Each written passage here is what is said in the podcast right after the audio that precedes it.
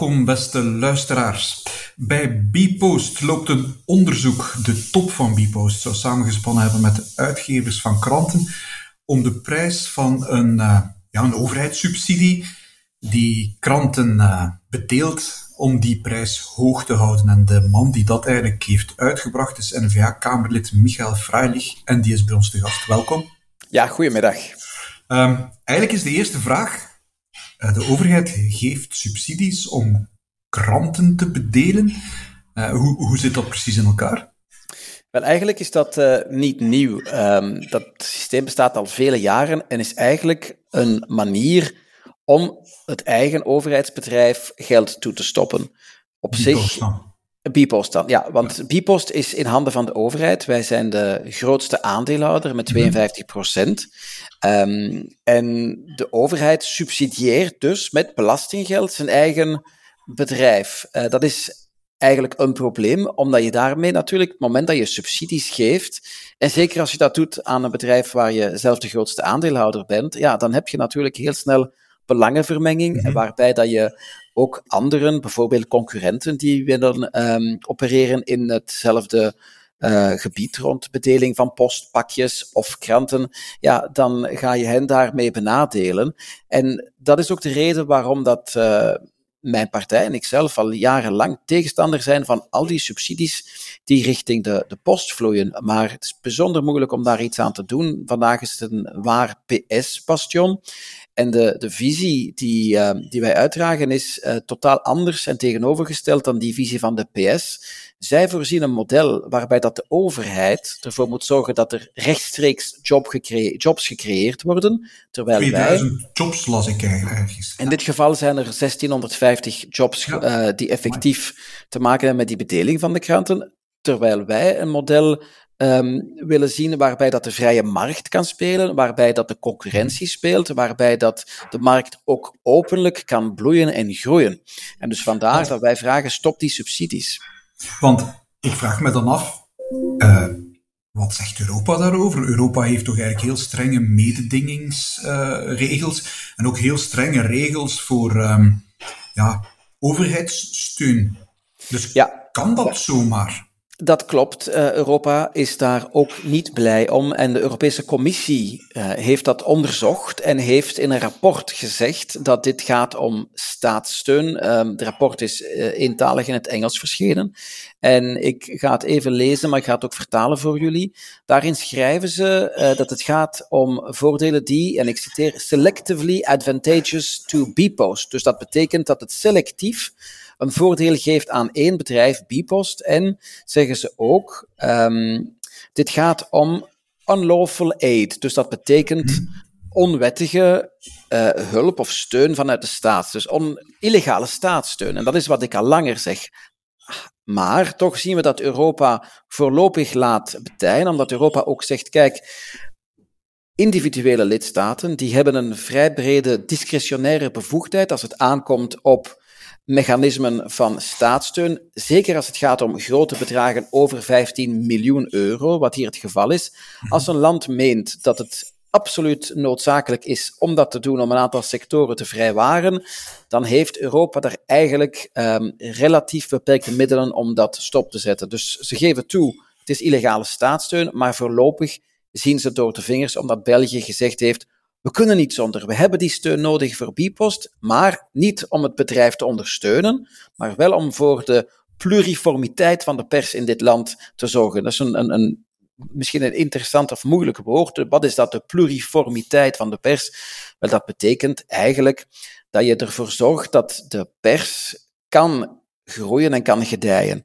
Omdat, zeggen zij, als die subsidie zou wegvallen voor het bedelen van de kranten, dan zou de kostprijs van een abonnement zoveel duurder zijn, waardoor dat de mensen dus zouden afhaken, geen abonnement meer zouden nemen op een papieren krant of tijdschrift, waardoor nadien het, het, ehm, het mediabedrijf zelf in de problemen zou komen. En dat zou dan slecht zijn voor het feit dat er veler en meerdere stemmen nodig zijn in het perslandschap. Want eigenlijk heel de, uh, het mechanisme daarachter, en er is ook een discussie met de minister, is het een subsidie of is het een concessie? En de minister zegt altijd, zowel meneer Dermagne van Foteconomie als mevrouw de Sutter, meneer Freilich, dit is helemaal geen subsidie, dit is een concessie. En dan heb ik er haar gisteren in de commissie op gewezen. Eigenlijk is dit wel degelijk een subsidie, maar die wordt alleen maar uitbetaald in de vorm van een concessie. Want het gaat voor alle duidelijkheid over meer dan de kranten, hè, de standaard, de morgen, het laatste nieuws. Het gaat ook over weekbladen en ook eigenlijk over ja, bladen van, van, van zuilenorganisaties, om het dan maar zo te noemen. Hè. De eh, vakbonden, de mutualiteiten en, en dergelijke meer. Ja, dat klopt. Kerk en Leven bijvoorbeeld um, is daar één van. En, en de mutualiteiten die kunnen. Dus eigenlijk elke magazine dat minstens één keer uh, per maand, vandaag zelfs één keer per kwartaal verschijnt. En waarin minstens uh, vijf verschillende vormen of, of, of uh, adverteerders staan. En met een redactionele content van 70%, die kunnen dus onder die verlaagde tarieven uh, hun, hun uh, magazines of hun, of hun kranten gaan bedelen. We spreken dus over een kost van 24 eurocent voor een krant, waarbij, waarop de overheid dan nog eens een, een 60 cent bij doet. Maar voor de kranten is dat heel interessant, want je weet, vandaag een brief versturen in het land kost al meer dan een euro, mm -hmm. een euro 50 of zelfs meer. En als je dan weet, ja, een krant kost een uitgever maar 25 cent, ja, dan is dat natuurlijk bijzonder uh, interessant voor, um, voor ook de uitgevers en voor de pers om dat systeem in stand te houden. Wat trouwens een bijkomende reden is voor mij om te zeggen dat het systeem moet op de schop, want je mag niet onderschatten hoe je de uitgevers en dus ook de journalisten um, beïnvloedt. Want wiens uh, brood men eet, diens woord men spreekt. Het is heel duidelijk dat een aantal kranten zegt van kijk, dit zijn de politieke partijen die het systeem in stand willen houden, namelijk de PS en dus de, de, de, socialisten bij ons.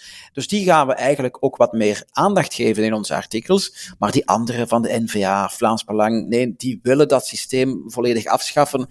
Dus eigenlijk zou het geen goed idee zijn als die aan de macht zouden komen. En ook al is dat natuurlijk bijzonder uh, moeilijk om hard te maken, je mag niet onderschatten dat dat ook wel onderhuids speelt. Want een, een ander punt is eigenlijk, um, ja, er is eigenlijk maar één bedrijf die zich kandidaat stelt of die op die aanbesteding ingaat, en dat is Bpost. Ja, een beetje eigenaardig voor het, uh... een contract waarvan ja, 175 miljoen per jaar wordt uitgegeven. Dat is inderdaad het uh, schandalige aan, aan deze zaak, dat men volledig in de kaart speelt van een overheidsbedrijf. Een concessie is een mooi woord voor een openbare aanbesteding. Mm -hmm. Dus zo'n concessie werd uitgeschreven, maar als je gaat bekijken, wat staat daarin, wie kan daaraan deelnemen? Want ja, natuurlijk, we hebben het over 175 miljoen euro per jaar. En dat is een contract voor vijf jaar, dus dat is bijna een miljard. Um, ja, je kan je inbeelden dat heel veel bedrijven zeggen van ja, daar zie ik wel brood in. Voornamelijk mm -hmm. omdat uh, Bipost zoveel, um, eigenlijk heel duur heeft ingezet. En veel bedrijven zeggen wij kunnen veel goedkoper. Alleen, dan het moment dat een ander bedrijf zegt ik wil daaraan deelnemen, ja, dan stuiten ze tegen de voorwaarden die in dat contract zijn opgenomen. En dat, uh, die aanbesteding is puur en echt op maat geschreven van Bipost. Ik ga een aantal voorbeelden geven. Een van die voorbeelden is, je moet als je aanstalten wil maken op dat contract, kunnen aantonen dat je de voorbije jaren, drie jaar, een omzet hebt gedraaid van minstens 50 miljoen euro. Wat betekent dat? Dat betekent dat als er morgen een nieuwe groep zegt van een consortium van bedrijven, wij gaan dat willen doen en een nieuwe vennootschap willen oprichten, ja, dan vallen die uit de boot. Hè? Want ze moeten dus al bestaan, ze moeten dus al een bijzonder grote omzet hebben. Dus zelfs als een bedrijf vanuit Nederland, hè, de Nederlandse post, hè, want de postmarkt is open, zou zeggen, wij kunnen, kunnen dat hier gaan opzetten, ja, die kunnen daar dus niet aan. Stel, dat je dan toch een bedrijf vindt, of twee, drie bedrijven die al um, actief zijn in de Belgische markt, uh, DPD, PostNL, die de pakjes bedelen en zeggen van, weet je wat, we gaan er de kranten gaan bij doen. Ja, dan vallen die ook uit de boot, want de overheid heeft dus sluiks uh, genoeg nog een barrière opgeworpen. En welke is die? Niet alleen moet je die omzet van 50 miljoen euro hebben, je moet ook werken met eigen personeel. Dus van het moment dat je zegt, ja, maar wij werken met zelfstandige couriers, die dan voor ons een straat of een regio doen, val je ook uit de boot. En ga zo maar door. Dus dat betekent eigenlijk dat er maar één bedrijf aanspraak kan maken op dat contract, en dat is dus Bipost. En het probleem is, en ik heb dat ook gisteren in de commissie gezegd, dat we door het contract eenzijdig op maat te schrijven van Bipost eigenlijk hen in de hand spelen door de hm, marktmanipulatie van de prijs die wij gezien hebben. Omdat Bipost weet, zij zitten in een zetel, zij krijgen dat contract sowieso. Niemand anders kan eraan. Van het moment dat je weet, wij krijgen dat contract, ja, dan ga je natuurlijk zeggen, wij gaan dat maximaliseren, die prijs. Ik geef een voorbeeld. Stel, je moet uw, uw, uw huis gaan schilderen, of een kamer in uw huis. En iedereen die daar een offerte komt geven, wordt uitgestoten om de een of andere reden. Er blijft er maar één over. En hij weet op voorhand, ik krijg dat contract. Dus terwijl men zegt van, kijk, om, dit, om die kamer te schilderen, dat gaat u 1000 euro kosten, komt hij af en hij zegt, hm, dit kost mij 5000, dit kost 5000 euro. En dan moet de overheid betalen omdat er geen anderen zijn. Dus men speelt effectief in de kaart en dat is wat er nu gebeurd is. Bij Bipost zou, hè, ik moet altijd zeggen zou gebeurd zijn, zou dus een aantal mensen binnen het bedrijf hebben gaan kijken hoe kunnen we die prijs kunstmatig naar omhoog drijven. En dat is natuurlijk illegaal, omdat je dan eigenlijk niet focust op hoeveel kost het effectief, maar hoeveel kunnen wij eraan uh, verdienen en de belastingbetaler zoveel mogelijk doen betalen. Want wat blijkt, 175 euro, miljoen euro per jaar hebben we betaald voor die bedeling. Volgens experts zou je dat met 70 miljoen kunnen doen. En dan nog altijd rendabel kunnen zijn. Want in Nederland kost de bedeling van een tijdschrift of een krant 25 cent. In ons land is dat 80 cent. Ja, leg mij dat nu eens uit. Je kunt altijd gaan zeggen dat het in Nederland men daar met zelfstandigen werkt en de sociale lasten zijn lager. Ik wil dat best geloven.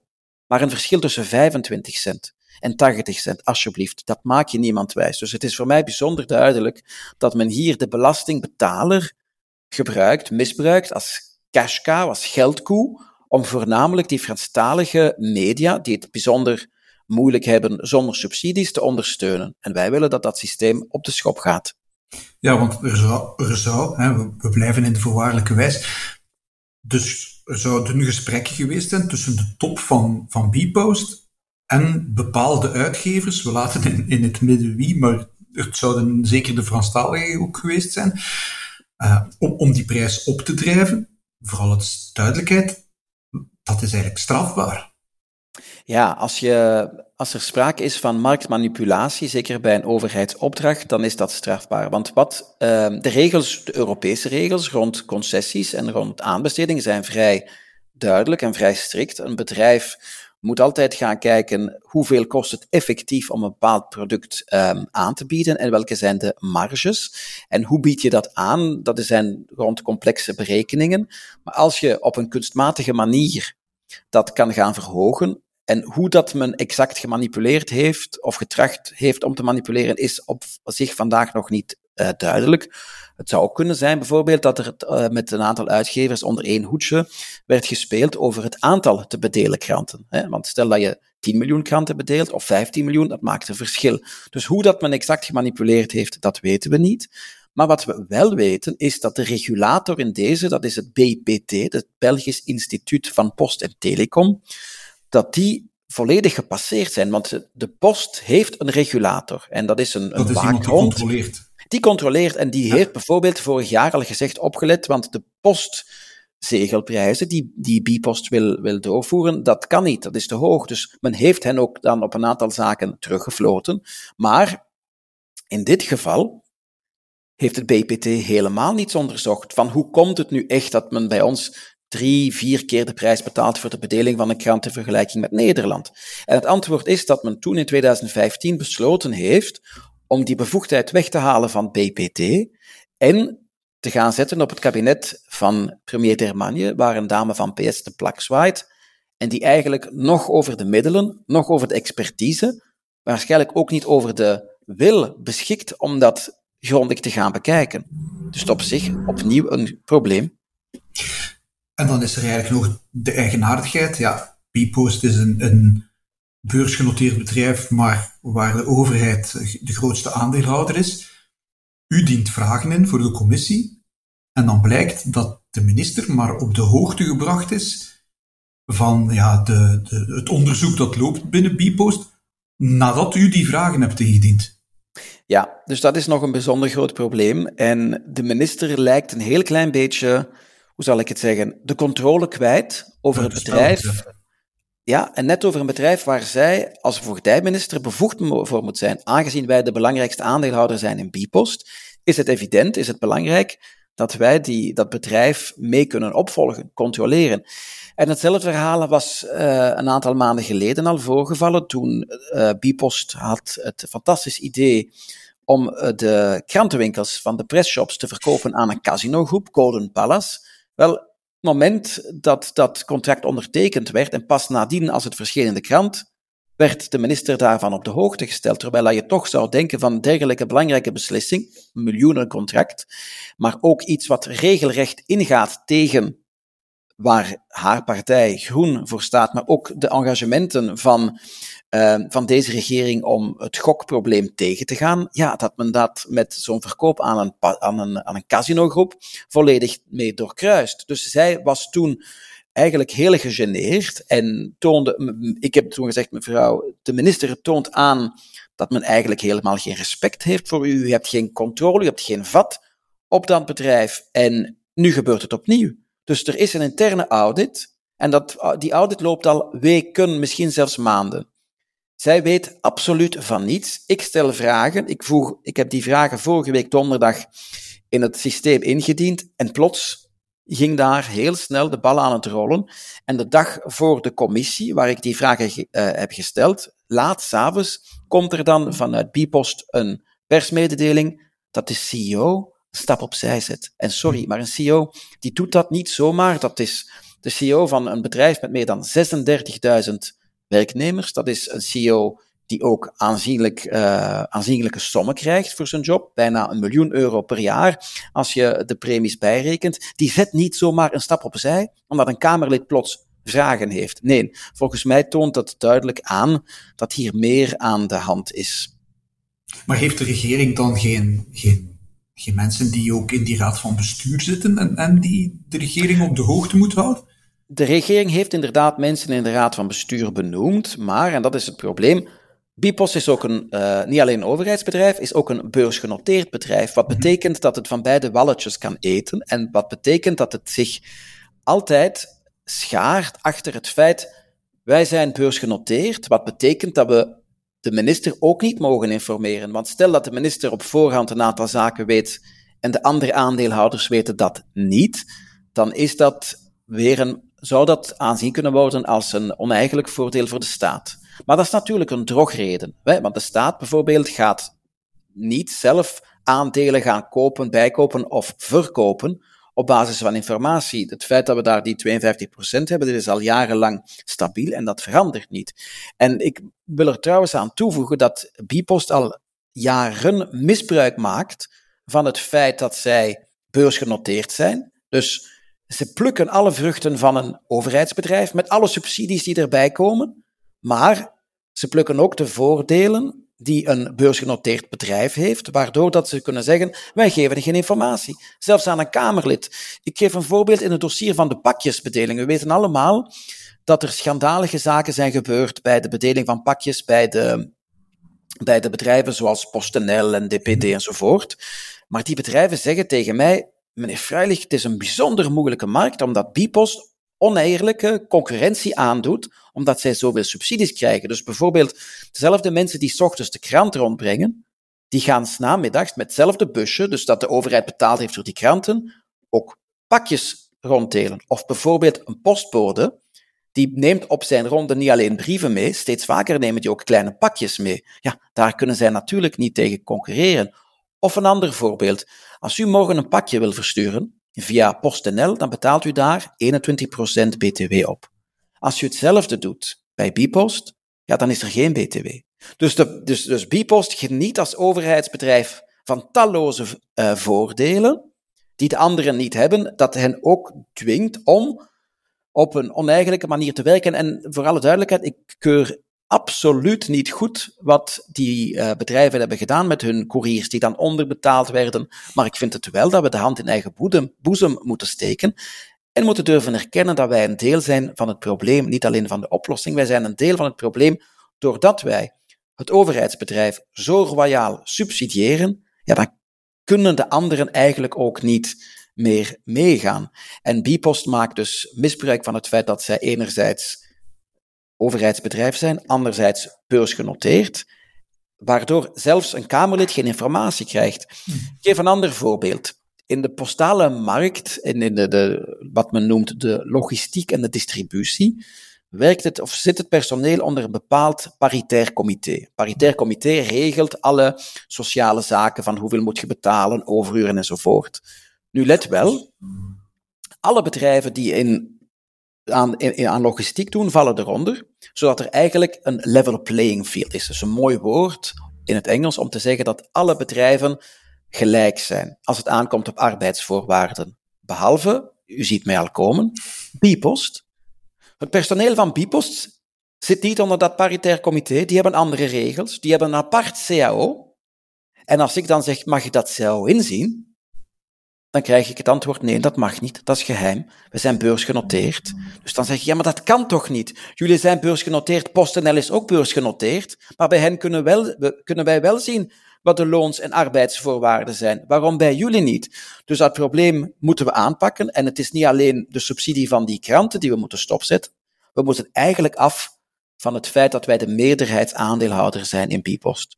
In andere landen, ja. Zegt u nu dat de staat beter zijn aandelen in Bipost verkoopt? Ja, absoluut. We moeten, ons de vraag, we moeten ons de vraag stellen: is het vandaag nog essentieel dat de overheid pakjes levert? Is het essentieel bijvoorbeeld dat de overheid telecomabonnementen verkoopt? Absoluut niet. Absoluut niet. En in andere landen, en ik geef het voorbeeld van Duitsland, Nederland, Groot-Brittannië, daar werden de postale bedrijven geprivatiseerd de voorbije tien jaar. Loopt het daar zoveel slechter. Integendeel, daar loopt het beter. En ik geef ook het voorbeeld, als je tien jaar geleden één aandeel had gekocht in de Royal Mail in Groot-Brittannië, de Deutsche Post of de Nederlandse Post, dan was die 1 euro vandaag 20 of 30 euro waard geweest.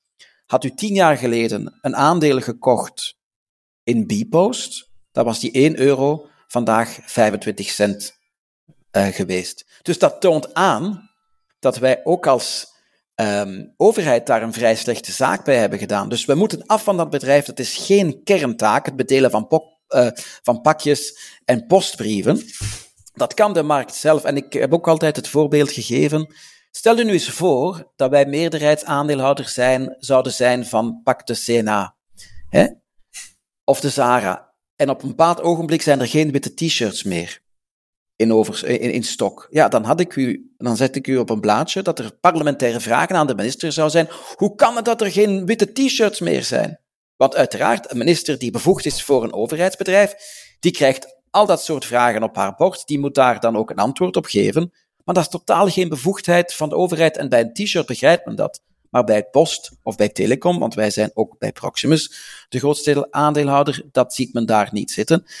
En weer daar zie je het grote verschil, Vlaanderen versus uh, Franstaligen. De Vlamingen zeggen van een overheid moet lean en mean zijn, klein, krachtig. Alle taken die niet tot de kerntaken behoren, die moeten weg, die moeten wij niet hebben. Maar het Franstalig België zegt nee, nee, nee, wij moeten het groter zien. Wij moeten ervoor zorgen dat wij als overheid alles controleren.